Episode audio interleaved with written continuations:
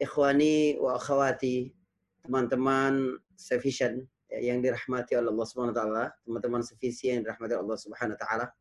Alhamdulillah ini adalah awal dari bagaimana kita memandang kembali seberapa kasih Allah dalam kehidupan kita. Ini sesi yang harusnya berjalan santai dan bicara seperti mengobrol. Lalu saya ingin teman-teman sekalian mengingat-ingat untuk apa sebenarnya kita ini hidup dan sudah sejauh mana kita ini berjalan. Teman-teman sekalian, lalu yang penting adalah apakah teman-teman ini sudah merasa belum seberapa kasih sayang Allah dalam kehidupan kita? Kalau dalam perjalanan hidup kita, setelah jauh kita berjalan, kita ada merasakan bahwa kayaknya Allah nggak sayang dengan dengan diriku. Sepertinya Allah tidak memperhatikan kehidupanku. Allah tidak adil dengan kehidupanku. Ketahuilah, perasaan-perasaan seperti itu manusiawi bagi orang-orang yang belum mengenal Allah Subhanahu wa taala. Hari ini teman-teman hmm. siapkan pertanyaan. Ya, kita akan lebih banyak tanya jawab. Boleh apa mengirim pesan secara pribadi kepada admin di chat ya atau kepada umum. Apa yang kau rasakan dalam hidup? Seberapa besar kasih sayang Allah dalam kehidupan. Inilah yang akan kita bicarakan pada pagi hari yang berbahagia ini. Saya akan memulai dari ayat yang sangat indah dalam surat Az-Zumar ayat 53. Ayat ini Allah tujukan kepada kita semua, pendosa semua kita ini. Ayat ini untuk orang-orang yang sadar bahwa kita ini bukan orang saleh, tapi kita ini adalah orang-orang orang yang Allah keburukan kita. Allah masih tutup aib kita. Allah masih tutup kebusukan-kebusukan dosa kita. Kepada orang-orang yang melampaui batas. Kepada orang-orang yang merasa bahwa hidup ini hidup gue. Hidup ini gak ada yang bisa mengatur. Apa yang ingin aku kerjakan, aku berhak untuk melakukan itu. Aku adalah pribadi yang merdeka. Ah, untuk orang-orang yang begitu, Allah menyapamu dalam surat Az-Zumar ayat 53. A'udzu billahi minasyaitonir rajim. Qul ya ibadiyalladzina asrafu ya ibadiyalladzina asrafu ala anfusihim la taqnatu min rahmatillah innallaha yaghfiru dzunuba jami'a innahu huwal ghafurur rahim. Allah meminta Rasulnya Muhammad, kamu katakan, Wahai hamba-hambaku, katakan ya Muhammad, ini pesan cinta dariku. Seolah-olah Allah ingin berkata, Muhammad sampaikan pesan dariku. Ya ibadiyalladzina asrafu ala anfusihim. Wahai orang-orang yang telah melampaui batas atas dirinya sendiri. Ya Allah. Ini dalam sekali. Apa makna asrafu ala anfusihim? Orang-orang yang melampaui batas dirinya sendiri. Artinya, dosa-dosa dan kesalahan yang engkau lakukan selama ini sama sekali tidak mampu menyakiti Allah. Sama sekali tidak mungkin melukai Allah Subhanahu wa taala. Tidak mungkin membuat Allah bersedih tidak. Segala mara bahaya, dampak-dampak buruk dari perbuatan-perbuatan jelek yang engkau lakukan itu adalah bentuk kezaliman engkau kepada dirimu sendiri. Yang pertama-tama akan merasakan akibat dari perbuatan dosamu yang akan merasakan sempitnya kehidupan, yang akan merasakan bahaya dalam kehidupan karena perbuatanmu adalah dirimu sendiri. Jadi, sayangilah dirimu dengan menjauhi dosa-dosa. Sayangilah dirimu dengan mengikuti aturan Allah Subhanahu wa taala. Allah menurunkan syariat ini bukan untuk dirinya bukan. Allah tidak butuh dengan kita. Tapi kitalah yang butuh kepada Allah Subhanahu wa taala. Apa kata Allah? Ya ayuhan nas, antumul fuqara ilallah wallahu huwal ghaniyul hamid. Wahai sekalian manusia, kalian inilah yang butuh kepada Allah. Adapun Allah maha berkecukupan. Tidak butuh. Kamu mau ngapain aja? Kamu tidak mau menyembah Allah subhanahu wa ta'ala. Kamu nggak mau salat, kamu nggak mau sujud, kamu tidak mau menghadap kiblat. Allah tidak ada urusan dengan itu semua. Allah Maha Kaya, tidak butuh siapa-siapa, dan Allah Maha Terpuji. Artinya apa? Tidak berkurang sedikit pun dari kerajaan Allah Subhanahu wa taala pada saat kita ingkar kepada Allah Subhanahu wa taala. Sebab ada dalam satu episode kehidupan kita ketika kita merasa rencana kita ambiar, kita berkata, ngapain gue sholat? Ngapain gue beribadah kepada Allah Subhanahu wa taala? Ngapain? Ah, ini coba kezaliman yang luar biasa ini. Karena ada perasaan bahwa Allah membutuhkan itu tidak. Apa kata Nabi Shallallahu Alaihi Wasallam? Kalau sekiranya kalian semua bangsa jin dan bangsa manusia dari yang paling awal paling bertakwa di antara kamu. Jadi dikumpulkan semua bangsa jin, dikumpulkan semua bangsa manusia. Lalu dilihat siapa yang hatinya paling bertakwa. Ah, hati Nabi Muhammad misalnya. Jika semua kalian ini, jin dan manusia, dari awal sampai akhir, hatinya setakwa hati Nabi Muhammad SAW. Mazada min mulki syai'a, kata Allah. Tidak bertambah sedikit pun dari kerajaanku. Keagungan Allah tidak bertambah, kebesaran Allah tidak bertambah. Karena kita semua beriman kepada Allah dan bertakwa seperti ketakwaan Nabi Muhammad SAW. Sebaliknya saudara, kata Rasulullah, kalau sekiranya manusia dan jin, baik yang dari yang pertama sampai yang terakhir, hati mereka seperti hati orang yang paling fujur, yang paling durhaka kepada Allah. Katakan misalnya Fir'aun. Hati kita ini mirip Fir'aun semua dari awal sampai akhir. Bangsa jin dan bangsa manusia. Tidak akan berkurang sedikit pun dari kerajaan Allah Subhanahu wa taala. Dan demi Allah, kalau sekiranya berkumpul manusia dan jin, semuanya meminta kepada Allah dengan satu permintaan. Lalu Allah berikan satu-satu.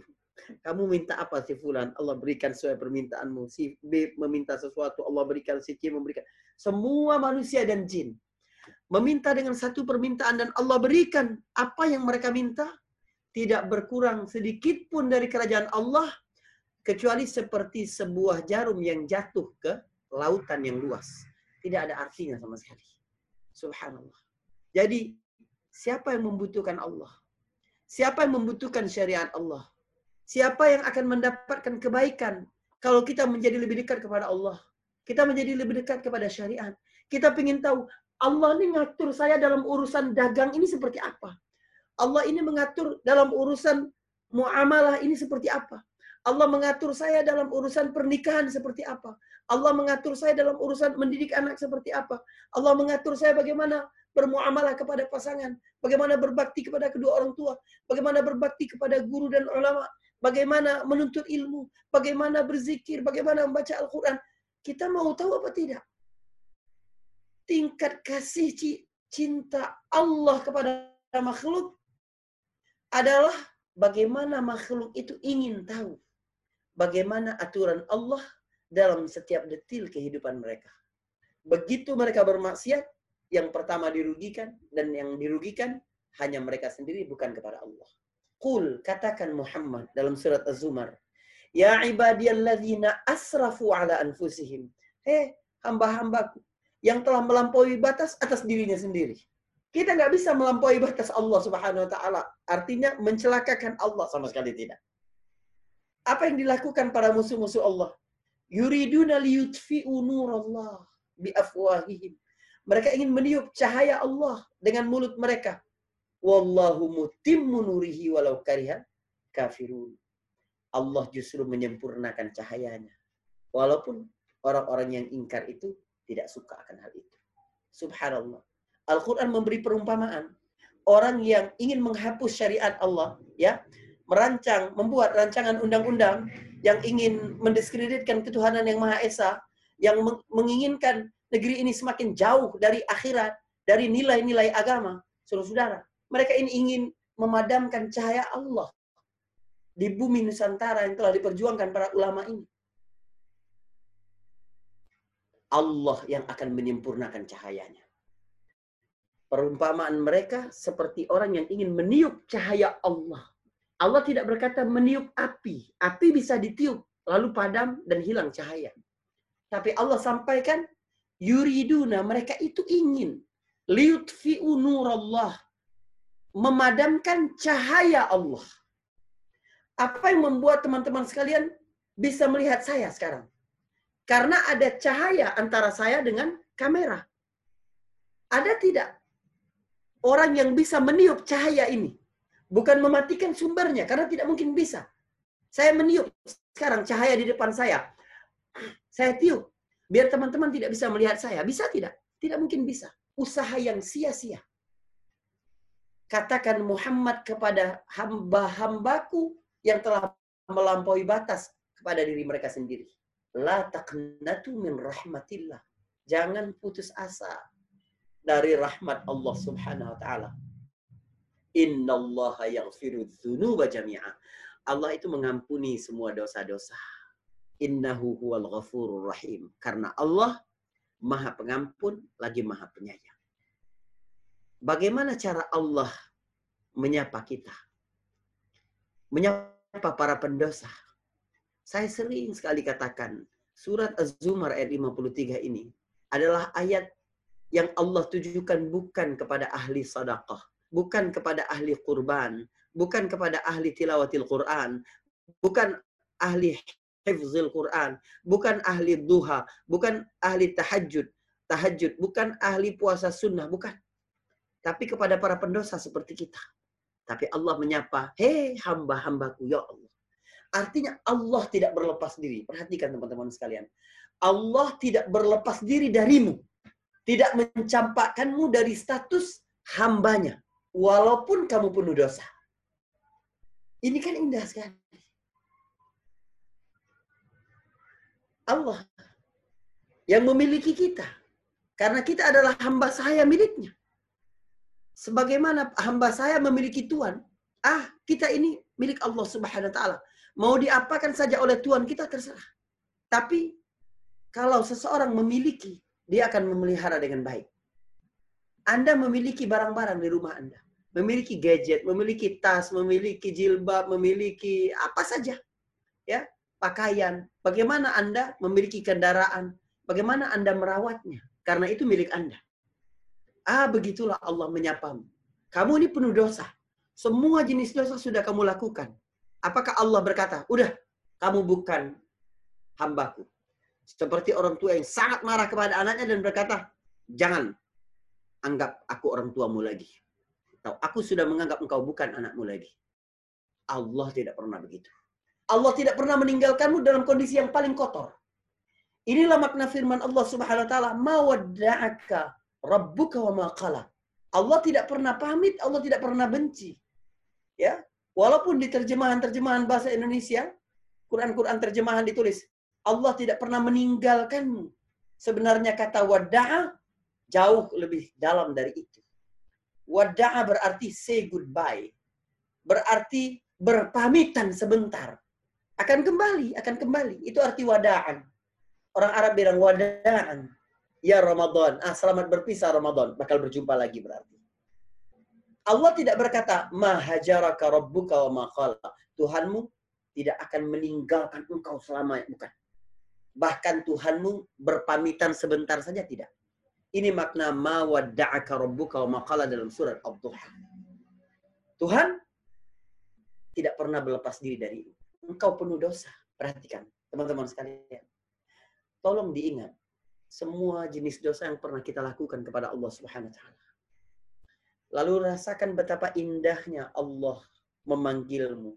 Eh, hamba-hambaku yang sudah melakukan dosa A, dosa B, dosa C, dosa D kamu jangan putus asa ya.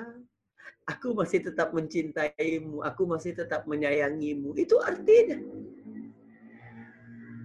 Aku mengampuni semua dosa-dosamu. Kamu melakukan dosa apa? Ah, kamu melakukan dosa. Subhanallah. Dalam hadis surat Muslim, teman-teman sekalian. Dari Abi Dhar, Rasulullah SAW bersabda. Allah subhanahu wa ta'ala berfirman, hadis kursi. Ya ibadi, Kembali Allah memanggil lembut, wahai hambaku. Panggilan hamba ini adalah panggilan yang istimewa. Rasulullah SAW ketika diisrakan oleh Allah Subhanahu Wa Taala, bayangkan Allah angkat ke langit satu kedudukan yang sangat mulia. Allah bicara langsung kepada Rasulullah pada malam hari itu. Ini penghormatan yang luar biasa. Tidak sembarang orang. Cuma Rasulullah yang pernah merasakan nikmat itu. Bagaimana Allah menjelaskan, menceritakan peristiwa besar itu kepada kita? Subhanalladzi asra bi'abdihi. Maha suci Allah yang telah memperjalankan hambanya. Allah tegaskan status Muhammad sebagai hamba. Allah angkat. Dalam hadis dari Abi Zar tadi, riwayat Imam Muslim, Allah Subhanahu wa taala berfirman, "Ya ibadi, wahai hamba-hambaku, innakum tukhti'una bil-laili wan nahar." Aku tahu kata Allah, kalian ini kerjaannya sepanjang siang, sepanjang malam berbuat salah kepada Tetapi wa ana aghfiru dzunub wala ubali. Tapi aku mengampunkan dosa-dosamu. Dan aku tidak peduli sebanyak apa pun. Ya, apa artinya ini? Allah tidak mau tahu sebesar apa dosamu, tidak mau tahu.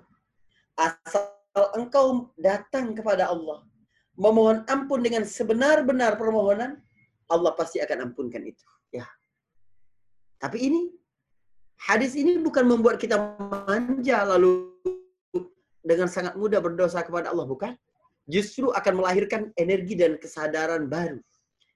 Betapa naifnya kalau kita ini masih tega bermaksiat kepada Allah Subhanahu wa taala. Ada seorang ulama dari Habasyah. Ditanya seseorang. Seorang datang kepadanya dan bertanya, "Syekh, aku telah melakukan hampir semua jenis dosa. Apakah dosaku ini bisa diterima apa tidak? Diampuni apa tidak oleh Allah Subhanahu wa taala?" Betapa burungnya orang ini. Karena dia berpikir, dia ini bisa masuk surga apa tidak? Atau tempat kembalinya adalah neraka. Saudaraku, orang beriman ini dekat sekali surga dan neraka di matanya itu. Karena kematian bisa datang kapan saja. Kita sedang duduk sekarang mendengar kajian seperti ini. Berapa menit kemudian wafat bisa. Dan tidak ada tempat kembali yang ketiga. Cuma dua alternatif. Surga atau neraka. Udah itu saja. Maka yang paling penting, yang paling diperhatikan oleh orang mukmin adalah tempat kembalinya nanti surga atau neraka. Bukan bagaimana dia hidup di dunia yang sebentar ini. Tapi kalau tiba-tiba dia wafat sekarang, aku ini di surga. Jadi orang ini datang kepada ulama ini dan bertanya, apakah Allah akan mengampuninya? Kalau kamu benar meminta ampun kepada Allah, kata sang ulama, Allah akan mengampuni. Fafarih. Disebutkan di situ. Maka dia pun bergembira. Wazaharal farha. Ya, fi wajhi. Dan nampak wajahnya yang ceria itu. Sebelumnya dia murung. Apakah Allah akan mengampuni apa tidak? Aku ini di surga apa di neraka? Tiba-tiba sang ulama memberi harapan. Minta ampun kepada Allah. Allah ampuni. Betapa senangnya dia. Lalu dia segera berlalu. Beberapa langkah dia berjalan. Dia kembali lagi kepada syekh itu. Dengan wajah yang kembali uh, murung. Kembali ya, apa, penuh. Kata ulama ini, apakah waktu aku melakukan kemaksiatan dulu itu, Allah melihat apa yang aku lakukan.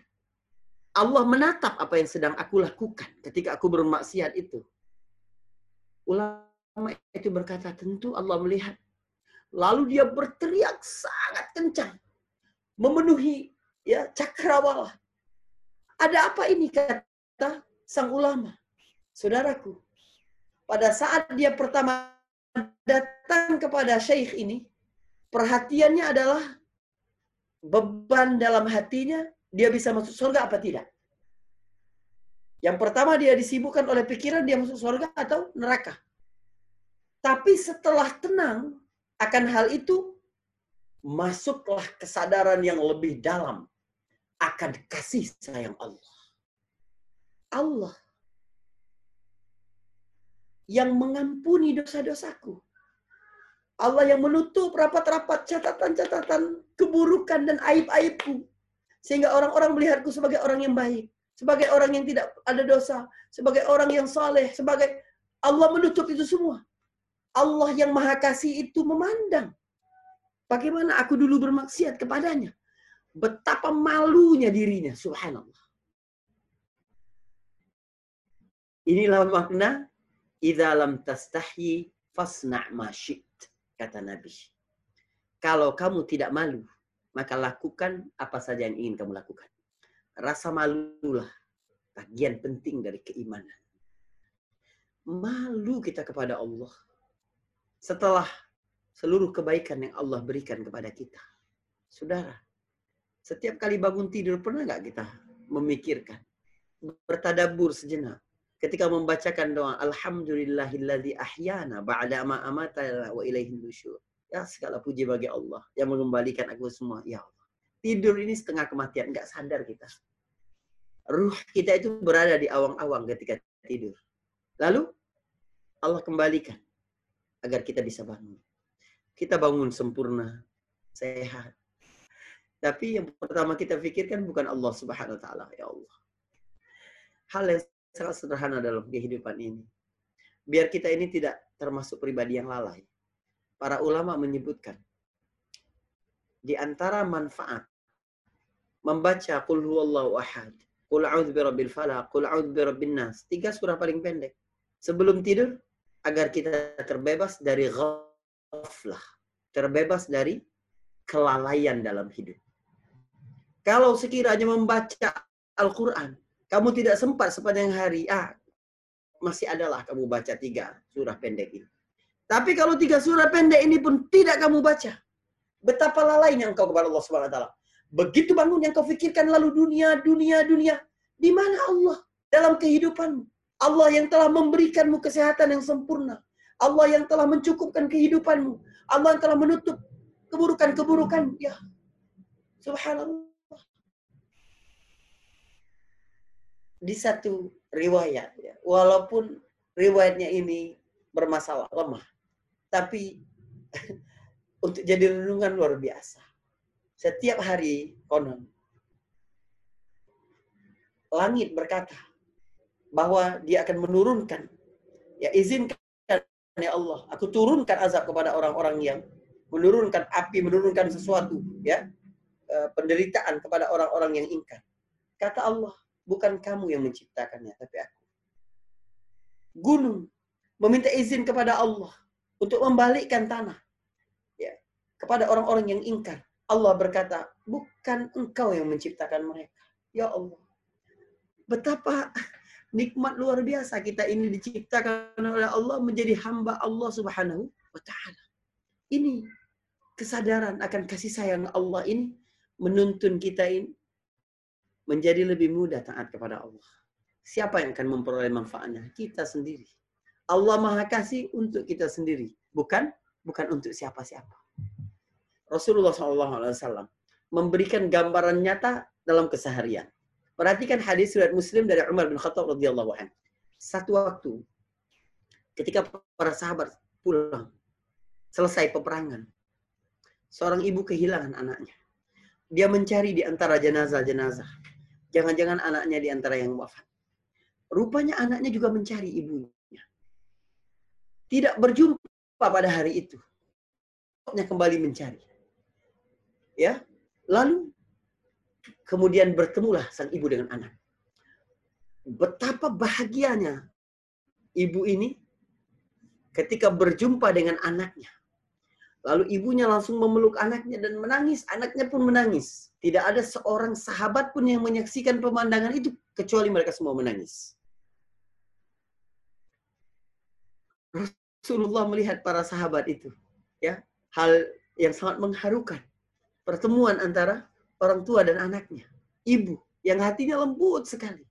Seluruh kehidupannya telah dia serahkan untuk anaknya semuanya. Kesehatannya dia korbankan untuk anaknya semua. Lalu apa kata Nabi? Atarawna hadhil mar'ah tarihatun waladaha finnar?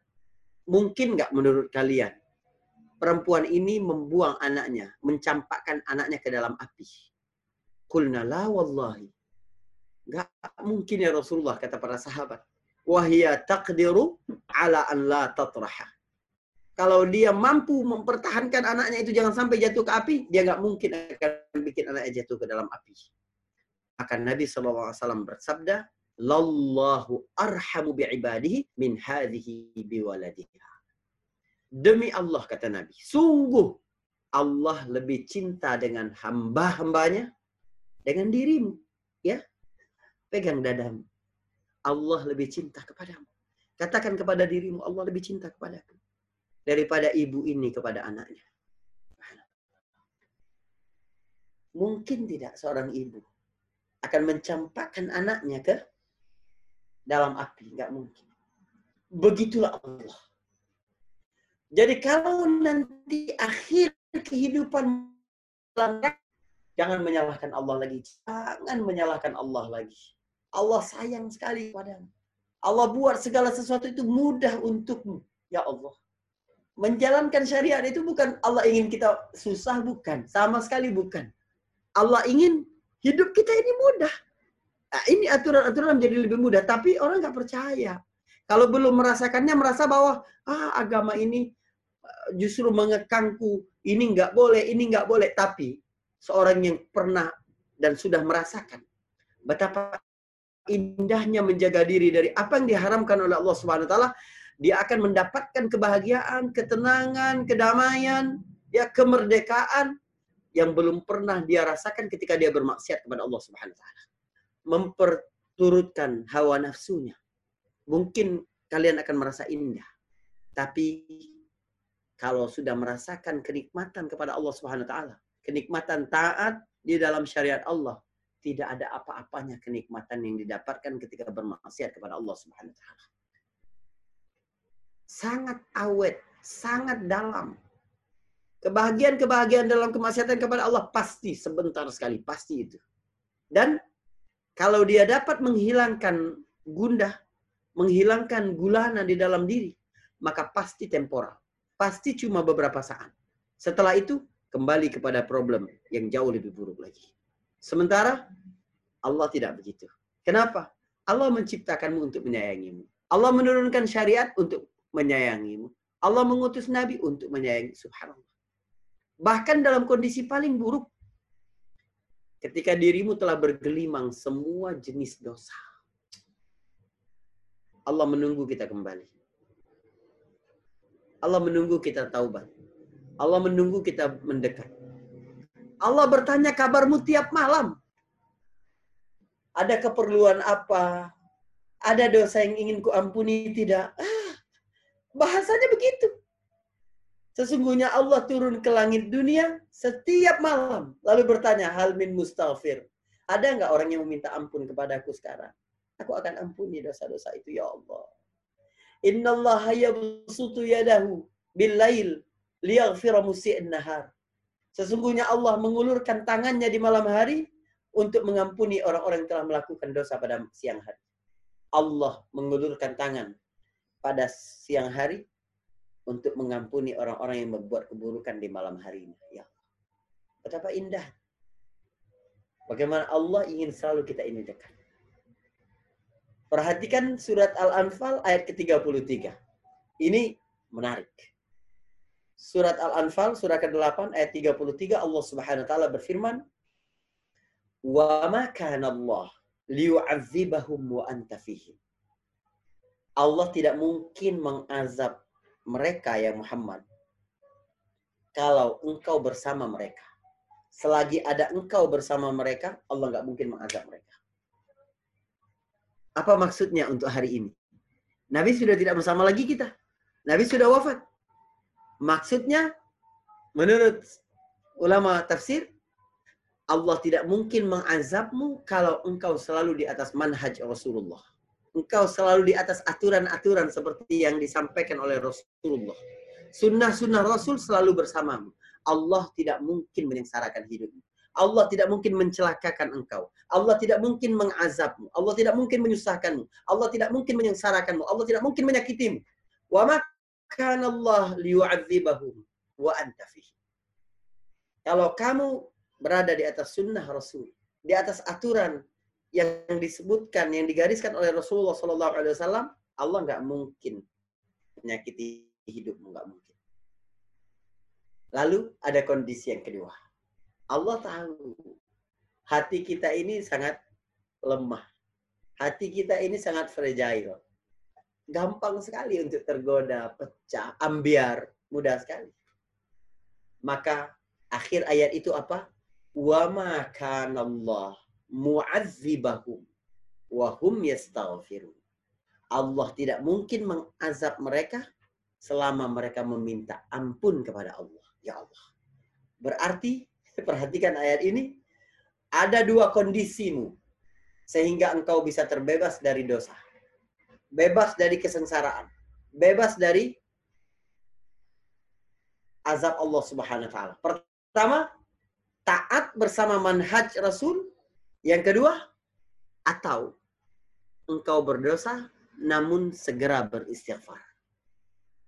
Engkau berada di atas manhaj Rasulullah atau engkau berdosa ah tapi engkau cepat minta ampun kepada Allah. Lihat, ini semua apa? Bentuk kasih sayang Allah. Kondisi pertama, Allah menurunkan Rasul.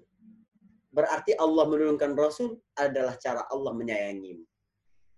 Allah nggak mau kita ini tersesat dalam kehidupan dunia ini. Banyak sekali jalan-jalan licin, banyak sekali lorong-lorong gelap, banyak sekali tikungan-tikungan yang melelahkan, banyak sekali jurang-jurang, banyak sekali ombak, banyak sekali. Allah nggak mau membiarkan kita. Lalu Allah turunkan Nabi. Ah, begini cara hidup yang baik. Begini cara hidup yang benar. Begini cara ah, begini cara mencuci tangan.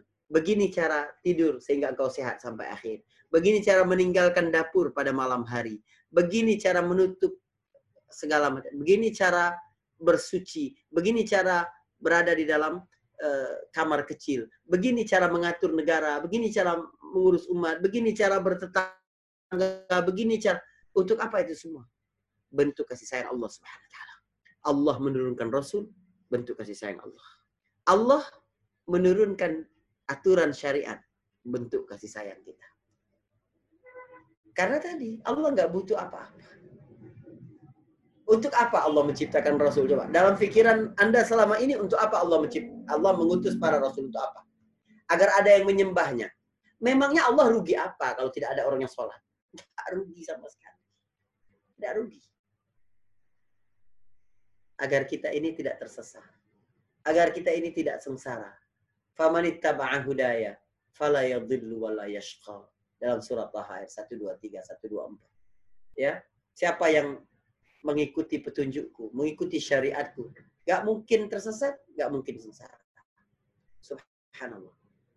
Allah menurunkan Rasul, Allah menurunkan syariat. Dan Allah mengampunimu kalau engkau tidak mengikutinya. Ah, baik. Allah tahu hatimu tidak stabil. Hatimu tidak kebal. Tidak ada hati yang kebal. Tidak ada.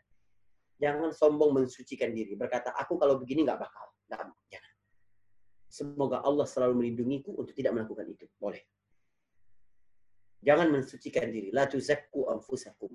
Jangan menyebut dirimu suci. Aku kalau minum minuman begitu nggak bakal. Aku kalau ngisap narkoba itu nggak bakal. Belum. Ya, mereka yang terjerumus di situ banyak sekali dulu tidak mengira bahwa mereka bisa sampai kepada kejahatan seperti itu. Ya Allah. Ini kalau kita dekat dengan Allah. Kita dapat merasakan kasih sayang Allah.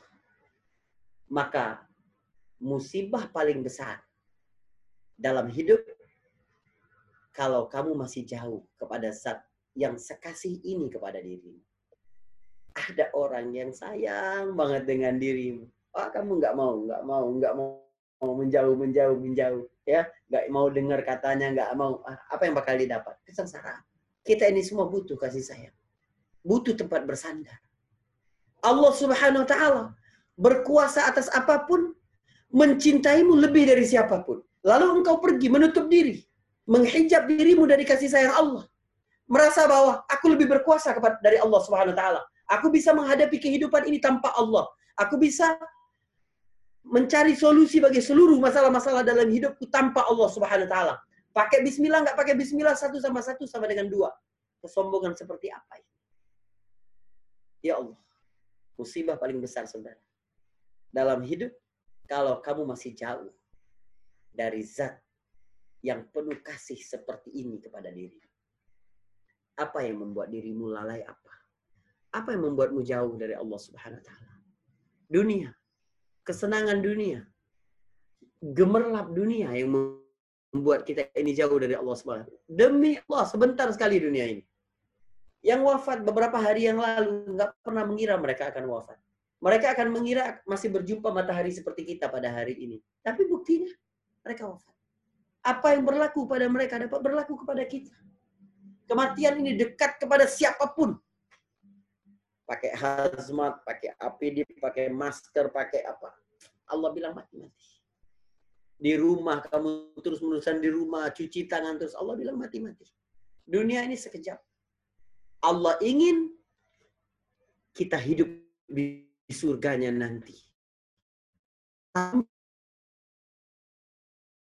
Memberiku kesehatan yang selama ini mengembalikan seluruh ya kekuatan, energi begitu aku bangun dari tidur yang selama ini ya, menjagaku dengan syariatnya yang selama ini memaklumi dosa-dosaku yang selama ini mengampuniku, kamu akan melihat Allah nanti di surga seperti melihat purnama. Allah ingin kita merasakan kasih sayang Allah itu di situ nanti. Ya, subhanallah. Sibuk dengan ambisi dunia dan melupakan pencipta dunia. Allah beri kita dunia untuk bekal kita di akhirat. Perhatikan hadis riwayat Muslim dari Abu Hurairah. Perhatikan. Kamu dapat merasakan oh, betapa nikmatnya kehidupan di dunia ini. Belum ada apa-apa. Belum ada apa-apanya. Apa kata Nabi Wasallam dari Abu Hurairah? Rasulullah SAW bersabda, Inna lillahi mi'ata rahmatin anzala minha rahmatan wahidatan bainal jinni wal insi wal bahaimi wal hawami. Wa biha yata'atafun. Wa biha yatarahamun. Wa biha ta'tiful wahsyu ala waladiha. Wa akhara Allahu tis'an wa tis'ina rahmatan yarhamu biha ibadahu yaumal qiyamah. Sesungguhnya Allah memiliki 100 rahmat, 100 cinta, 100 kasih Allah cuma turunkan satu di dunia ini. Allah cuma turun satu dan Allah bagi-bagi ke seluruh manusia. Satu rahmat Allah tadi. Satu per sembilan puluh sembilan, satu persen rahmat Allah. Allah berikan, Allah bagi-bagi ke manusia-manusia, Allah bagi-bagi ke jin-jin, Allah bagi-bagi ke hewan-hewan, Allah bagi-bagi ke makhluk hidup semuanya. Yang dengan seper sembilan puluh sembilan rahmat Allah itulah mereka saling menyayangi mereka saling mencintai, mereka saling ya memelihara. Binatang buas merasa sayang kepada anaknya, menyusui anaknya karena ada seper 99 yang dibagi ke seluruh makhluk hidup di dunia ini. Dan Allah menunda 99 rahmatnya untuk nanti dia berikan kepada hambanya di hari akhirat. Bayangkan, kalau kita mengejar kesenangan dunia ini, kita dapat mengumpulkan semua kasih semua kebahagiaan dari semua makhluknya ada di dunia kita baru dapat 99. Lalu kita luput dengan yang 99% yang Allah tunda nanti di akhirat untuk kita. Dekat dengan Allah adalah kunci segalanya. Paling malang seseorang yang baru datang di dalam dirinya setelah waktunya telah tiada. Seperti yang Allah sampaikan dalam surat Al-Fajr ayat 24, yaqulu ya laitani qaddamtu li hayati. Ah, coba dulu waktu hidup aku rasakan. Demi Allah, akan datang kesadaran di dalam dirimu bahwa Allah lah segalanya. Di luar itu tidak ada apa-apa. Tidak ada kuasanya. Tidak ada yang sayang benar-benar kepadamu seperti sayang Allah Subhanahu wa taala. Tapi pada banyak orang kesadaran itu muncul terlambat. Insya Allah pertemuan kita pada pagi hari ini membuat ah, kita memiliki kesadaran lebih cepat sebelum itu terlambat kembalilah kepada Allah. Datanglah kepada Allah. Allah yang bertanya, apa yang kau butuhkan? Allah yang bertanya, dosa apa yang ingin aku ampuni? Allah akan mengampuni itu. Setiap malam dia datang kepada hambanya. Teman-teman yang berbahagia, ini dulu yang bisa saya sampaikan. Kita bisa tanya jawab insya Allah. Teman-teman, bersyukurnya kita sebagai muslim adalah punya tempat bersandar. Itu yang kadang tidak dimiliki oleh agama lain. Ketika kita sampai di titik nadir terbawah, ketika ada tempat bersandar itu adalah tempat yang memang bisa memupuk kita kembali supaya bisa kembali kembali ke jalan yang benar, kembali kepada semangat hidup yang lebih baik lagi. Insya Allah begitu ya Ustaz. Kurang lebih kenapa kita harus meyakini bahwa Allah lah yang mengatur segala sesuatunya atas diri kita hingga saat ini begitu insya Allah. Baik, Alhamdulillah sudah masuk beberapa pertanyaan Ustaz. Uh, teman-teman ya. apabila ingin bertanya langsung juga kami persilakan bisa di bisa resen dulu ya. Nanti unmute uh, supaya kita bisa lihat siapa yang bertanya dan nanti uh, sama-sama kita coba jawab begitu. Insya Allah kita jawab dulu beberapa pertanyaan yang masuk Ustaz dari chat nih. Alhamdulillah. Assalamualaikum Ustaz. Uh, bagaimana cara menyikapi rahmat Allah yang amat luas dengan rasa takut atas azab Allah yang amat pedih?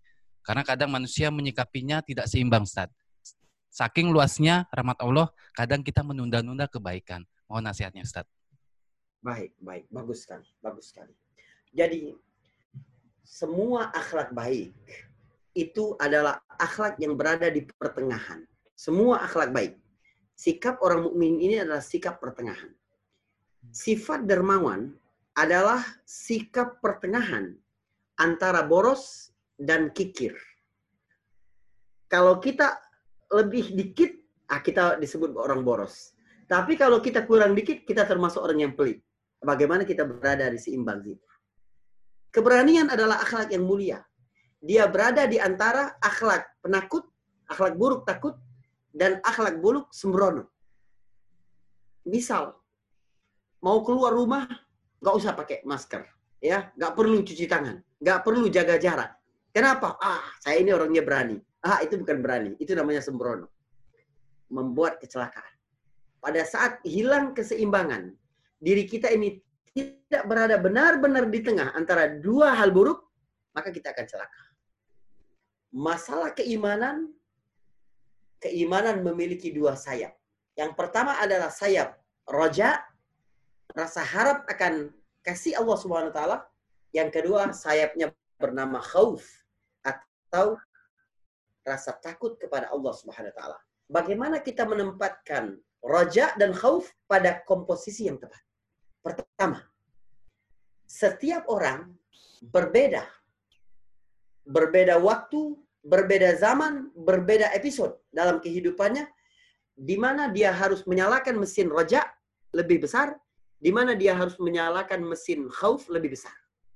Contoh, seorang yang diberikan oleh Allah Subhanahu wa taala rizki materi berlimpah. Dia dapat melakukan banyak hal dalam kehidupan termasuk dosa-dosa. Maka yang harus dia nyalakan lebih sering adalah mesin khauf, mesin takut kepada Allah Subhanahu wa taala. Hartanya ini datang dari jalan yang halal atau haram. Ada yang syubhat atau benar-benar halal. Itu kita pertanyakan ketika kita masih dalam keadaan luas, dalam keadaan lapang. Kita merasakan kasih sayang Allah akan mesin takut. Atau sudah benar tidak? Saya menginfakkan harta saya ini? Sudah benar tidak saya menghabiskan uang saya ini? Ke jalan yang diridhoi Allah apa tidak? Mesin takut harus kita kita nyalakan. Pada saat seseorang memiliki kesempatan yang lebih kecil, kenikmatan duniawi yang lebih kecil, ah mesin harap yang harus dia dia nyalakan. Setiap orang berbeda ini. Bahwa ah, Allah tidak Allah menginginkanku mungkin kalau aku diberikan kelebihan, aku gunakan itu untuk judi, untuk berzina, untuk pergi ke tempat-tempat yang haram, untuk yang begitu. Jadi, ah, ini adalah bentuk kasih sayang Allah kepada diriku. Pasti Allah menginginkan kebaikan di situ. Pasti ujungnya adalah baik. Pasti nanti Allah inginkan ganti sorga untukku. Ah, kita menyalakan mesin raja, mesin penuh harap kepada Allah Subhanahu taala. Atau pada diri satu orang maka waktu menyalakan mesin rajak dan mesin takut juga pada tempatnya. Di saat seseorang masih sehat, maka yang perlu selalu dia nyalakan adalah mesin takut. Karena dia merasa bahwa aku mampu melakukan ini, aku mampu begini, aku mampu begini, aku mampu begini. Eh, kamu memang mampu melakukan itu.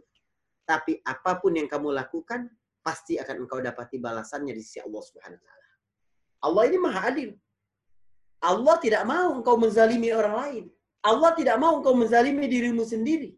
Allah akan tampakkan. Sebagai bentuk keadilan Allah, kamu harus dapat hukuman nanti di akhirat. Tapi pada saat sudah lemah fisik, orang yang tua, jelang kematian, jangan sekali-kali kita lebih mengoptimalkan, menghidupkan mesin takut dalam dirinya. Orang sudah di kasur kematiannya lalu bilang, ayo lupa, dulu masih muda ngapain aja. Hati-hati azab Allah subhanahu Sehingga dia putus asa dengan rahmat Allah. Dosa besar kita. Pada saat seseorang sudah dalam kondisi seperti itu, maka nyalakan mesin harapnya. Ibu, bapak, ya, mengucap, La ilaha illallah sadar dalam hati kita bahwa tidak ada Tuhan yang berhak disembah selain Allah. Kalimat inilah yang paling berharga di sisi Allah Subhanahu wa taala nanti. Kalau nanti Allah akan mengazab kita, kita datang kepada Allah dengan kalimat yang paling Allah sukai. Kita dapat berkata, "Ya Allah, kalau Engkau ingin mengazabku karena dosa yang aku lakukan, aku datang kepadamu membawa kalimat yang paling Engkau cintai, ya Allah. Aku datang membawa kalimat la ilaha illallah. Hatiku ini enggak kepada apa pun selain engkau ya Allah. Aku melakukan dosa-dosa ini memang karena hawa nafsuku lebih dominan. Karena aku lalai, karena aku ikut-ikutan, karena aku begini, karena aku, karena aku. Tapi aku tidak pernah meragukan kekuasaanmu, keagunganmu, kebesaranmu. Karena aku mengucapkan la ilaha illallah. Ikhlas dari hatiku. Mesin harap yang kita berikan kepada orang yang dalam kondisi seperti ini. Jadi hal-hal begitu. Pada saat dirimu terpancing untuk melakukan satu dosa, satu kemaksiatan karena ya Allah Maha Rahman, Maha Rahim, Allah Maha Pengasih, Allah Maha Penerima Taubat. Pada saat itu nyalakan mesin takut. Karena kita menganggap Allah Maha Kasih.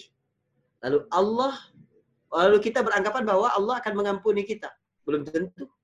Bisa jadi karena kita meremehkan azab Allah, meremehkan neraka Allah, kita akan masuk ke dalamnya ah dinyalakan mesin takut. Jadi ada saat yang berbeda, ada kondisi yang berbeda, ada waktu yang berbeda, ada orang yang berbeda. Di mana kita menyeimbangkan antara mesin raja dan mesin khauf. Allah alam besar. Baik, Baik, silakan Mas Bayu. Ya, Alhamdulillah. Banyak sekali ini pertanyaan Ustaz. Insya Allah kita ada waktu sampai jam 11.30, teman-teman. Insya Allah sebelum nanti kita coba tanya jawab interaktif, eh, insya Allah sudah ada yang mau bertanya langsung, Ustaz. Jadi kita ke pertanyaan berikutnya lagi. Insya Allah mudah-mudahan pertanyaan yang pertama bisa terjawab dengan baik dan teman-teman bisa bisa mengambil uh, jawaban dari Ustadz tadi ya teman-teman. Insya Allah baik. Kita pertanyaan berikutnya Ustadz Insya Allah. Assalamualaikum. Ingin bertanya, saya sering kali mendengar jika kita jatuh sakit maka itu tanda Allah sayang sama kita Ustadz. Bagaimana penjelasan lengkap tentang statement seperti itu ya Ustadz ya? Baik, baik, baik. Dalam hadis disebutkan tidak ada sesuatu pun yang menimpa seorang muslim, baik itu sakit, atau kesusahan, atau duri yang terkena di jalan, kecuali itu cara Allah untuk mengampuni dosa kita. Hadis ini sesuai dengan firman Allah Subhanahu wa taala, "Walanuziqannahum minal adzabil adna dunal adzabil akbar la'allahum yarji'un." Kami sungguh akan mencicipi mereka rasa sakit azab yang rendah di dunia sebelum mereka mendapat azab di akhirat. Semua jenis hidup dia banyak sekali yang lupa kepada Allah Subhanahu wa taala. Maka Allah Subhanahu wa taala ingin kita ingat. Allah Subhanahu wa taala ingin kita merasa bahwa hidup kita ini tidak ada apa-apanya tanpa Allah Subhanahu wa taala. Maka Allah berikan wabah penyakit. Allah berikan virus. Allah berikan bakteri. Biar timbul kesadaran di dalam diri kita bahwa ternyata uangku sebanyak apa pun nggak bisa membuat aku bisa ke mana-mana. Allah kirimkan virus yang tidak terlihat, stay di rumah. Ya nggak bisa ngapa-ngapain. Allah berikan penyakit sehingga tidak bisa makan daging, tidak bisa makan si. Padahal mampu apa? Ah, karena Allah sayang. Karena bentuk azab yang paling buruk di dunia adalah Allah nyuekin kita. Allah nggak ngelihat lagi ke kita. Terserah si fulan. Hidupnya banyak harta apa segala nggak apa-apa. Nanti pada saatnya Allah akan ambil secara keseluruhan. Allah celakakan nanti di akhirat. Itu Allah tidak memperhatikan kita. Jadi, rumusnya adalah segala musibah di mata manusia yang mendekatkanmu kepada Allah, hakikatnya dia adalah nikmat. Segala nikmat di mata manusia yang membuatmu jauh kepada Allah, itu adalah bencana. Jadi apa pun yang dapat mendekatkan kepada Allah, walaupun di mata manusia jelek, walaupun di matamu itu buruk, itu sebenarnya adalah nikmat dari Allah Subhanahu wa taala. Wallahu a'lam Baik, baik. Syukuran jazakallah khair Ustaz. Alhamdulillah teman-teman. Kita coba tanya jawab langsung insya Allah. Dari Dera kelihatannya ingin bertanya langsung. Assalamualaikum Dera. Waalaikumsalam warahmatullahi wabarakatuh. Silakan Dera. Ayat Ustaz. Uh, Ustaz mau bertanya, uh, ya.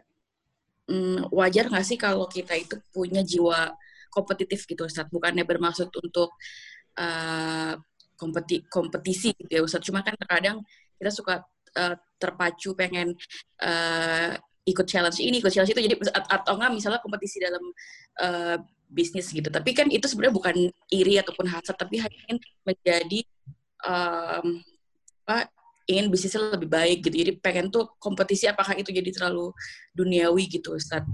Kan sebenarnya pengen untuk uh, taubat juga kok masih banyak banget gitu, Ustaz. Baik, baik, bagus sekali, bagus sekali. Islam ini memiliki karakteristik yang sangat manusiawi. Di antara karakteristik Islam adalah sesuai dengan fitrah manusia. Jadi kalau ada satu aturan bertentangan dengan fitrah manusia, insya Allah itu bukan dari Islam. Sifatnya adalah sangat insani. Karakteristiknya sesuai dengan manusia. Manusia ingin sesuatu yang lebih baik daripada yang lain. Manusia ingin dapat lebih banyak. Gak tercela. Yang tercela adalah kalau kita tidak memanfaatkan apa yang telah kita miliki itu untuk akhirat. Itu yang tercela. Yang tercela adalah kalau kita menjadikan hal-hal yang berkenaan dengan duniawi itu sebagai akhir di segalanya. Itu tercela. Ketika Nabi SAW bersabda, La yadkhulul jannah man kana fil qalbihi mithqala dzarratin minal kibir tidak akan masuk surga seseorang yang di hatinya terdapat kesombongan walaupun sebesar zarah, walaupun sebesar zarah, walaupun sebesar atom, dalam hati seseorang ada rasa angkuh, rasa sombong, gak bakal masuk surga. Seorang sahabat datang kepada Nabi Shallallahu Alaihi Wasallam dan berkata, ya Rasulullah, aku ini suka kalau pakai sendal lebih bagus daripada sendal orang lain. Kalau pakai pakaian lebih bagus dari pakaian orang lain.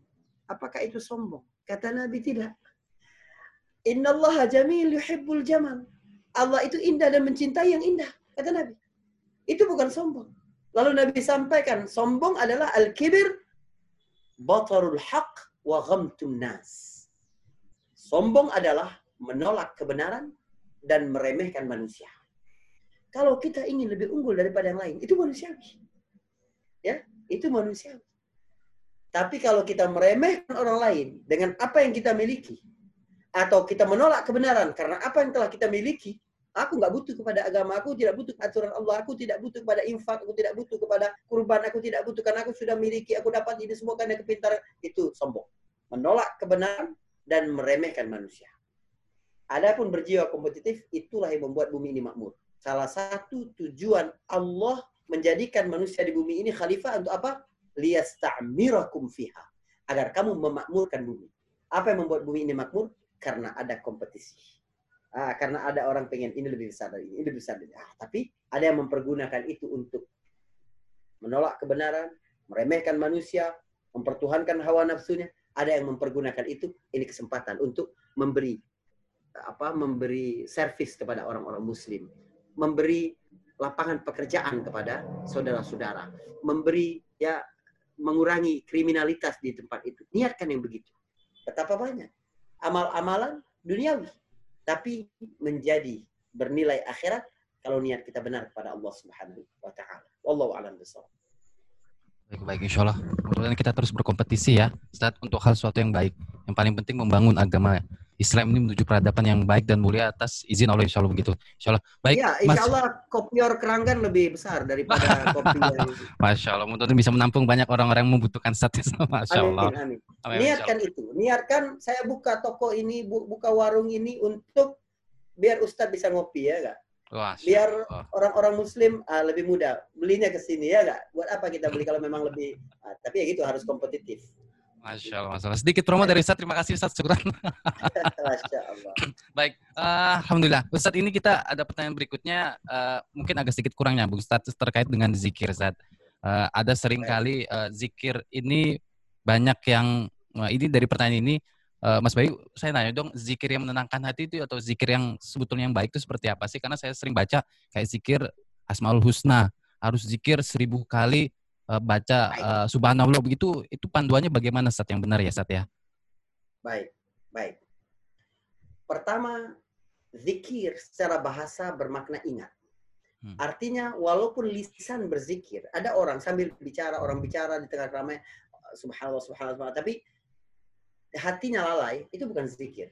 Zikir benar-benar dilafazkan oleh lidah dan hati hadir pada saat lidah melakukan itu. Itu yang pertama. Yang kedua, zikir harus benar. Kalau tidak benar, tidak mungkin menimbulkan rasa tenang di dalam hati. Apa yang benar? Pengucapannya benar. Jadi ada orang selesai sholat, baca tasbihnya itu. Subhanallah, subhanallah, subhanallah, subhanallah, subhanallah, subhanallah, subhanallah. Apa itu? Allah Allah Allah Allah Allah Allah Allah benar. Harus benar-benar pengucapan. Jangan karena ingin cepat, Anda akhirnya sembarangan. Ya, pengucapannya keliru, menimbulkan makna yang keliru. Kalau memang waktu Anda pendek, jangan 33 kali, cukup 10 kali, asal sempurna. Jauh lebih baik subhanallah, subhanallah, subhanallah, subhanallah, subhanallah. Sepuluh kali daripada subhanallah, subhanallah, subhanallah, subhanallah, subhanallah, subhanallah, subhanallah. Enggak panjang pendeknya, makhraj hurufnya, atau bahkan ada yang ketinggalan ya di antara huruf-hurufnya tidak terucapkan. Untuk apa itu? Atau baca Quran karena sama-sama yang lain lebih lebih cepat. Oh dia loncat-loncat seperti itu. Tidak menimbulkan ketenangan. Karena warattilil Qur'ana tertila. Harus tertil membaca Al-Quran. Jadi Anda baca ya walaupun dapat satu halaman itu lebih baik daripada setengah halaman tapi nggak tentu ya tajwidnya pengucapannya hati ke mana-mana lebih baik benar-benar kita renungi walaupun cuma satu halaman sesuai ya benar kemudian sesuai dengan ketentuan syariat apa yang saya maksud dengan sesuai dengan ketentuan syariat zikir ada yang mutlak ada yang muqayyad ada yang bebas ada yang terikat. Mana-mana zikir yang datang dari agama dalam wujud mutlak tidak boleh kita ikat. Mana-mana yang datang dari agama dalam rupa terikat, gak boleh kita bebaskan. Misal, boleh tidak membaca astagfirullah seribu kali. Setelah salam dari sholat, tidak boleh. Karena aturan dari Nabi, Nabi membaca tiga kali. Ini aturan dari Nabi. Astaghfirullah, astaghfirullah, astaghfirullah. Boleh tidak astaghfirullah hal azim? Anda beristighfar di tempat lain tidak apa-apa. Tapi yang paling baik ketika sudah salam, Nabi mengucapkan astaghfirullah tanpa kalimat. Pasti ada rahasia. Kalau sekiranya mengucapkan al-azim baik pada saat selesai salam dari sholat, Nabi pasti akan melakukan itu. Astaghfirullahalazim, astaghfirullahalazim, astaghfirullahalazim. Ucapan ini baik, tapi yang terikat setelah salam Nabi mengucapkan tanpa al-azim ucapkan tanpa al-azim astagfirullah astagfirullah astagfirullah yang datang dari agama tidak terikat jumlahnya kita bisa afdhalul zikri la ilaha illallah tidak terikat jumlah tidak terikat waktu tidak terikat ah, tapi ada orang yang bilang kalau kamu mau kedamaian kamu baca ini setiap malam Jumat ini dengan seribu zikir ini dengan ini datang terikat dia mengikat sesuatu datang tidak dari agama seperti itu kalau tidak datang, tidak akan menimbulkan ketenangan. Kalau ada ketenangan, berarti ketenangan palsu. Karena syaitan di antara fungsinya adalah menghiasi amalan-amalan buruk terlihat baik. Siapa yang lebih rugi nanti di akhirat, kata Allah. ya Orang-orang yang melakukan keburukan, mereka mengira mereka telah berbuat baik. Ah. Wahum yahsabuna annahum eh, yuhsinuna sun'ah. Mereka melakukan keburukan, tapi mereka mengira ah, sudah melakukan keburukan. Jadi apa yang datang dari agama secara mutlak jangan dimuqayyadkan, apa yang datang dari agama secara muqayyad jangan dimutlakkan. Ikhlas karena Allah sesuai dengan tuntunan syariat. Dua, insya Allah. Baik. Baik, baik. Jazakallah khair Ustaz. Yang penting teman-teman, bukan penting kuantiti banyaknya Ustaz, kurang lebih begitu ya. Tapi bagaimana kita meresapi setiap ucapan zikir yang kita ucapkan gitu ya. Yang paling penting juga jangan lupa bahwa nah, itu, penting juga itu, untuk tahu maknanya juga ya Ustaz ya. Insya Allah. Baik, Alhamdulillah. Uh, teman-teman Afan, ini waktunya tinggal 10 menit lagi. Mudah-mudahan bisa seluruh pertanyaan kita jawab. Tapi kalau ada yang nggak bisa, nanti kita sambung minggu depan nggak apa-apa. Kita saving pertanyaan ini, kita jawab minggu depan insya Allah. Kali ini karena ini adalah baru sesi pertama rangkaian iman kelas kita. Jadi insya Allah masih ada dua sesi berikutnya yang kita coba jawab begitu ya. Insya Allah Ustadz, kita ke pertanyaan berikutnya Ustadz. Ini ada dua pertanyaan yang mirip-mirip, saya coba rangkum jadi satu. Ustadz, uh, di lingkungan kami tuh sering menemui orang-orang yang kelihatan rajin ibadah ke masjid, sering menyumbang Ustaz. Tapi sering kali yang menurut saya nih dari pertanyaan Ustaz, menurut saya kadang pemikirannya masih liberal atau dia kadang suka masih suka main-main ke tempat yang penuh dengan maksiat. Sebagai kita orang yang masih belajar nih Ustaz, kira-kira ada nasihat nggak Ustaz? Bagaimana cara cara kami mendakwahi orang seperti ini tapi dengan halus dan tidak menyinggung Ustaz? Baik, baik. Baik. Teman-teman sekalian, beragama ini harus satu paket. Gak bisa memilih mana-mana yang kita cintai, mana-mana yang tidak. Tapi setiap orang, kadar keimanannya itu berbeda-beda. Dan juga naik turun. Ada orang yang muktasib. Ada orang-orang yang benar-benar bertakwa kepada Allah Subhanahu wa taala. Ada orang-orang yang melakukan keburukan lalu menyesalinya. Ada orang yang tidak tahu makna-makna kebaikan, semua yang dia lakukan adalah keburukan. Jadi ada orang yang zalim, ada orang yang benar-benar taat kepada Allah, ada yang di antara itu. Bisa jadi orang itu berada di sini, berada di pertengahan ini.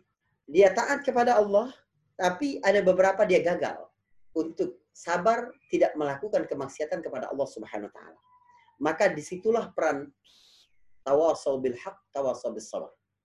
Tapi tidak boleh kita musuhi, tidak boleh kita suuzon kepada dia, tidak boleh, jangan. Yang paling baik adalah bagaimana kita tetap bersangka baik kepada dia dan bagaimana kita tidak merasa lebih baik dari dia. Bahwa oh dia ini masih pergi ke situ, jangan. Bisa jadi Allah mengampuni dosanya dengan amalan-amalan baik yang telah kita lihat. Dia tetap ke masjid, dia sholat, dia apa. Cara dia meminta ampun kepada Allah atas dosa-dosanya. Sementara kita, amal kita belum tentu diterima oleh Allah Subhanahu wa taala. Ah, kita punya dosa yang mungkin nampak di mata kita ah cuma begitu doang. Padahal di sisi Allah itu lebih buruk daripada dosa yang dia lakukan. Idealnya memang seseorang menuju kepada muktasib, menuju kepada derajat di mana dia selalu melakukan ketaatan kepada Allah dan menghindari dosa-dosa dan kemaksiatan kepada Allah Subhanahu wa taala. Bagaimana cara menasehatinya? Pertama, tidak boleh menasihati seorang muslim untuk menjatuhkan. Maka tidak boleh menasihati seseorang di tengah umum, nggak boleh. Eh Pak, Bapak ngapain ke masjid? Tadi malam Bapak pergi ke pub, pergi ke diskotik, pergi ke apa misalnya minum. Jangan. Itu menjatuhkan. Siapa yang membuka aib orang muslim, Allah akan membuka aib kita. Seorang yang membuka aib seorang muslim tidak mungkin akan wafat kecuali Allah akan buat dia tidak mungkin wafat kecuali dia melakukan aib yang sama. Hal yang memalukan yang sama yang dilakukan oleh saudaranya. Baru Allah wafatkan dia. Nauzubillah min zalik. Nasihati dengan ikhlas. Mana indikasi kita ikhlas dalam menasihati? Indikasinya adalah kalau kita berat, takut dia tersinggung, takut dia nanti menjauh kepada kita, takut dia salah paham, ah, itu berarti Anda ikhlas. Datang, ya, lawan rasa berat dalam hati ini untuk datang Pak ngobrol sebentar gitu. Saya sayang banget sama bapak nih subhanallah sholatnya begini begini begini sampaikan nah, tapi semoga kita bisa jaga pak begini begini. Saya lihat ini tabayun sekaligus nasihat saling nasihat. Saya juga nggak apa-apa bapak nasihati kalau ada salah ah begitu. Kan pak tapi kalau ada rasa dalam hatimu puas biar aku yang ngomong ke bapak itu ah itu berarti dendam itu itu berarti ingin menjatuhkan di situ jangan biarkan orang lain ya karena niat dalam memberi nasihat, kalau tidak ikhlas tidak akan kuat. Tidak akan memberi perubahan. Tapi keikhlasan dalam memberi nasihat akan membuat hati hati orang yang mendengarnya akan tersentuh insya Allah. Kemudian gunakan kata-kata yang baik. Kemudian bersabar akan hal itu. Jangan cepat pundung kata orang Sunda ya. Jangan jangan. Itu resiko dalam memberi nasihat. Gunakan kata-kata yang baik, tidak di depan umum, ikhlas karena Allah Subhanahu wa taala dan tidak merasa baik ya daripada uh, orang itu objek yang akan kita dakwahi. Jangan pernah merasa itu. Bisa jadi dia lebih baik dari kita jauh lebih baik di sisi Allah Subhanahu wa taala. Wallahu alam bisawab. Baik, syukur jazakallah khair Ustaz. Nah, teman-teman sedikit menyambung uh, jawaban dari Ustadz ya. Dulu saya pernah dengar dari Ustadz waktu ceramah Jumatan, ketika kita mau coba dakwai orang, teman-teman, kita harus punya frekuensi yang sama. Salah satunya yang dilakukan Rasulullah ke ke Taif ya Ustadz, harus ta'aruf ya Ustadz. Artinya nggak bisa ujuk-ujuk ya, langsung, ya. tapi pelan-pelan, ajak kebaikan, ajak ke pengajian. Ya mudah-mudahan itu jadi salah satu wasilah teman-teman ya, insya Allah. Baik, Ustadz, Alhamdulillah ini ada yang ingin bertanya langsung. Insya Allah Mbak Sinta Erdiana, bisa di-unmute Mbak. Uh, ya, assalamualaikum Baik. Ustadz, saya Sita. Um, ini mau tanya, jadi kan uh, mungkin beberapa uh, teman atau keluarga di sekitar aku uh, masih melakukan doa-doa yang um, sebenarnya nggak ada tuntutannya, ya misalnya kayak doa buka puasa yang biasanya ada di TV, seharusnya kan nggak kayak gitu. Terus juga mungkin bacaan-bacaan sholat, masih ada yang um, ya mereka defense-nya, ini kan diajarin dari SD, masa salah sih guru SD kita gitu. Maksudnya uh, aku pengen tahu sih bagaimana um, cara menyampaikan yang baik ke mereka, karena uh, daripada nanti um, sholat mereka atau ibadah-ibadah uh, lain jadinya nggak um, maksimal gitu. Itu aja sih Ustadz. Baik, baik, baik. baik. Ya, afwan. Teman-teman sekalian, pertama begini, manusia ini punya sikap, punya sifat mempertahankan diri. Jadi kalau nasihat datang seperti menyerang mereka, mereka pasti akan menolak. Makanya sampai sebegitu detail para psikolog menyebutkan bagaimana cara uh, kembali normalisasi hubungan suami istri misalnya ketika sudah ribut misalnya. Nggak boleh suami istri itu berhadap-hadapan. Karena itu ada perasaan seperti menyerang. Maka ketika di meja makan, suami istri harus berdampingan. Itu lebih mudah menerima. Nah, itu lebih mudah menerima. Jadi posisikan diri kita berada pada dia. Misal, kita bisa berkata, dulu aku juga baca doa ini loh, gitu. Tapi pas tahu begini, ya nggak enak juga lah. Walaupun kita udah hafal begini, Sementara yang benar dari nabinya begini. Ah, jadi posisikan diri kita itu berada di pihak dia. Yang kedua, jangan cepat menyalahkan. Karena bisa jadi ya dalam agama ini banyak sekali amalan-amalan yang uh, tidak datang secara ketat atau datang dengan satu versi tidak. Bacaan sujud ada banyak. Bacaan uh, iftitah ada banyak. Bacaan Eh, setelah wudhu ada macam-macam versinya. Ada yang cuma syahadat, ada yang cuma syahadat dan Allahumma salli ala Muhammad. Ada yang ulama menambahkan Allahumma ja'alni minal minat tawabin wa ja'alni minal mutatahhirin. Begitu juga doa berbuka puasa. Dan kalau lemah bukan berarti tidak serta merta tidak boleh dilakukan, ya. Bahwa ada unsur doa di situ dan maknanya baik. Cuma tidak boleh meyakini bahwa Rasulullah melakukan itu. Tapi kalau berdoa situ nggak apa-apa insya Allah dari hati dia berdoa seperti itu diterima oleh Allah Subhanahu wa taala. Karena terkadang karena pemahaman kita yang masih kecil sedikit tapi ghiroh kita sangat besar, ah itu terkadang menjebak kita untuk apa pun kita cari, oh ini salah, ini apa ah, enggak. Jangan begitu, ya.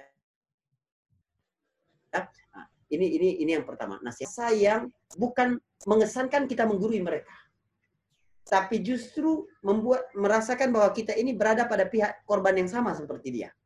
Misal, saya kalau ceramah ke satu masjid, lalu berkata, jamaah yang berbahagia, sesungguhnya hadis yang mengatakan awal Ramadan itu rahmat, uh, awal maghfirah, pertengahannya rahmat, ujungnya adalah dibebaskan dari api neraka adalah hadis yang lemah. Sementara malam sebelumnya, kiai mereka, imam mereka menyampaikan hadis itu saya bisa ditimpuk pakai sendal oleh jamaah. Ya enggak? Tapi kalau saya sampai kepada mereka betapa luar biasanya kita berada di bulan yang penuh berkah ini. Karena alhamdulillah ya, hadis yang menyebutkan, hadis yang membagi-bagi rahmat, maghfirah, itqun minan nar hanya 10 malam itu alhamdulillah ternyata lemah. Karena seluruh malam di bulan Ramadan adalah maghfirah. Seluruh malam di bulan Ramadan dari tanggal 1 sampai tanggal 30-nya adalah rahmah. Seluruh malam dari awal sampai akhir adalah aikul minanar. Maka kita memiliki kesempatan yang luar biasa ini. Malam ini kita insya Allah dapatkan maghfirah, dapatkan rahmat. Ah, orang menjadi bersemangat itu. Orang menjadi bersemangat. Ya ini kemampuan mempengaruhi orang lain. Dengan bahasa, harus kita perhatikan semua. Vokal harus diperhatikan, verbal harus diperhatikan, visual harus harus diperhatikan. Itu yang disebut watawasau bil haq, watawasau bil sabr. Ya, nah, cara-caranya juga harus ah, benar-benar santun. Gitu. Baik. Baik, alhamdulillah, syukur Ustaz. Mudah-mudahan teman-teman uh, untuk memang hal yang dasar ini penting sekali ya, Ustaz ya. Sering terjadi uh, banyak orang-orang tidak paham bahwa dasar-dasar Islam itu seperti apa saja. Mudah-mudahan uh, Mbak Sinta orang tuanya bisa dapat kesempatan untuk join juga dengan kita ya, Ustaz, dengan kelas utama Iman Pet. Karena memang memang kita belajar dari dasar kembali, uh, teman-teman. Insya Allah, mudah-mudahan Allah kasih kesempatan itu. Baik, uh, Ustadz Afan mungkin ada satu pertanyaan terakhir saja nih, Ustaz, terkait dengan seberapa uh, Allah mengatur kehidupan kita, Ustaz. Ini terkait dengan takdir, Ustaz. Bagaimana kita menyikapi dan menyadari bahwa takdir buruk itu ada hikmahnya dan atau itu merupakan jalan Allah Ustaz agar agar kita bisa kembali ingat ke jalan yang benar Ustaz. Baik, teman-teman sekalian. Pertama, jangan mengambil wilayah Allah agar kamu bahagia dalam hidup. Dalam hidup ini ada wilayah engkau, ada wilayah Allah. Kalau engkau merasa bahwa hidup ini harus engkau hadapi semuanya dengan ilmumu, dengan pengetahuanmu, dengan tenagamu, dengan waktumu, nggak bakal pernah cukup. Sepanjang waktu kamu akan merasakan beban yang luar biasa. Allah cuma perintahkan kamu berusaha sebaik mungkin yang kamu bisa. Kamu cuma bisa bawa beban 2 kg, bawa 2 kg. Tapi beban saya 10 kg Ustaz, serahkan 8 kg-nya kepada Allah SWT. Tawakal. Ya, ya, jangan merasakan bahwa paksa untuk paham segala sesuatu tentang hidup itu pada saat dia terjadi. Banyak sekali takdir dalam kehidupan ini yang baru kamu paham, ternyata itu baik, dua tahun setelah itu, sepuluh tahun setelah itu, lima tahun setelah itu. Oh, kenapa saya dulu gagal? Suami saya sekarang baik, baik banget, begini, begini, begini, dan sebagainya, dan sebagainya. Oh, oh, kenapa saya ya terlambat memperoleh jodoh dulu? Oh, ternyata ini yang Allah inginkan, begini, begini, begini, begini. Baru tahu kapan? Baru tahunya lama setelah itu. Ya, ada banyak sekali itu. Dalam kehidupan ini kita baru tahu dia buruk dua menit setelah itu, satu jam setelah itu, 30 hari setelah itu, satu tahun setelah itu. Ya, penumpang yang selamat dalam kecelakaan Lion Air karena terlambat di tol Cipularang. Pada saat terjadi kemacetan itu, dia bilang itu buruk. Gitu. Tiketnya hangus, uangnya hilang. Tapi begitu dia dapati kabar bahwa berapa menit setelah itu Lion Air yang dia harusnya menumpang itu terjadi kecelakaan, ah dia bersyukur kepada Allah. Ya, ini cara Allah menyelamatkanku. Ah, dalam kehidupan ada yang Allah bocorkan cepat. Bahwa Allah beri kamu keburukan di matamu itu buruk, di matamu itu jelek, di matamu itu sempit, ternyata Allah inginkan kebaikan. Jadi jangan memaksa untuk paham takdir pada saat dia terjadi. Mungkin kamu paham tahun depan, 10 tahun lagi, atau sampai kamu mati kamu nggak paham. Ada takdir jenisnya seperti itu. Baik. Singkatnya begitu Mas Bayu. Baik, baik. Syukur, syukur. Teman-teman, Alhamdulillah hari sudah banyak sekali yang kita pelajari ya tentang mengatur, memiliki kuasa atas kita teman-teman. Insya Allah. Mudah-mudahan uh, ini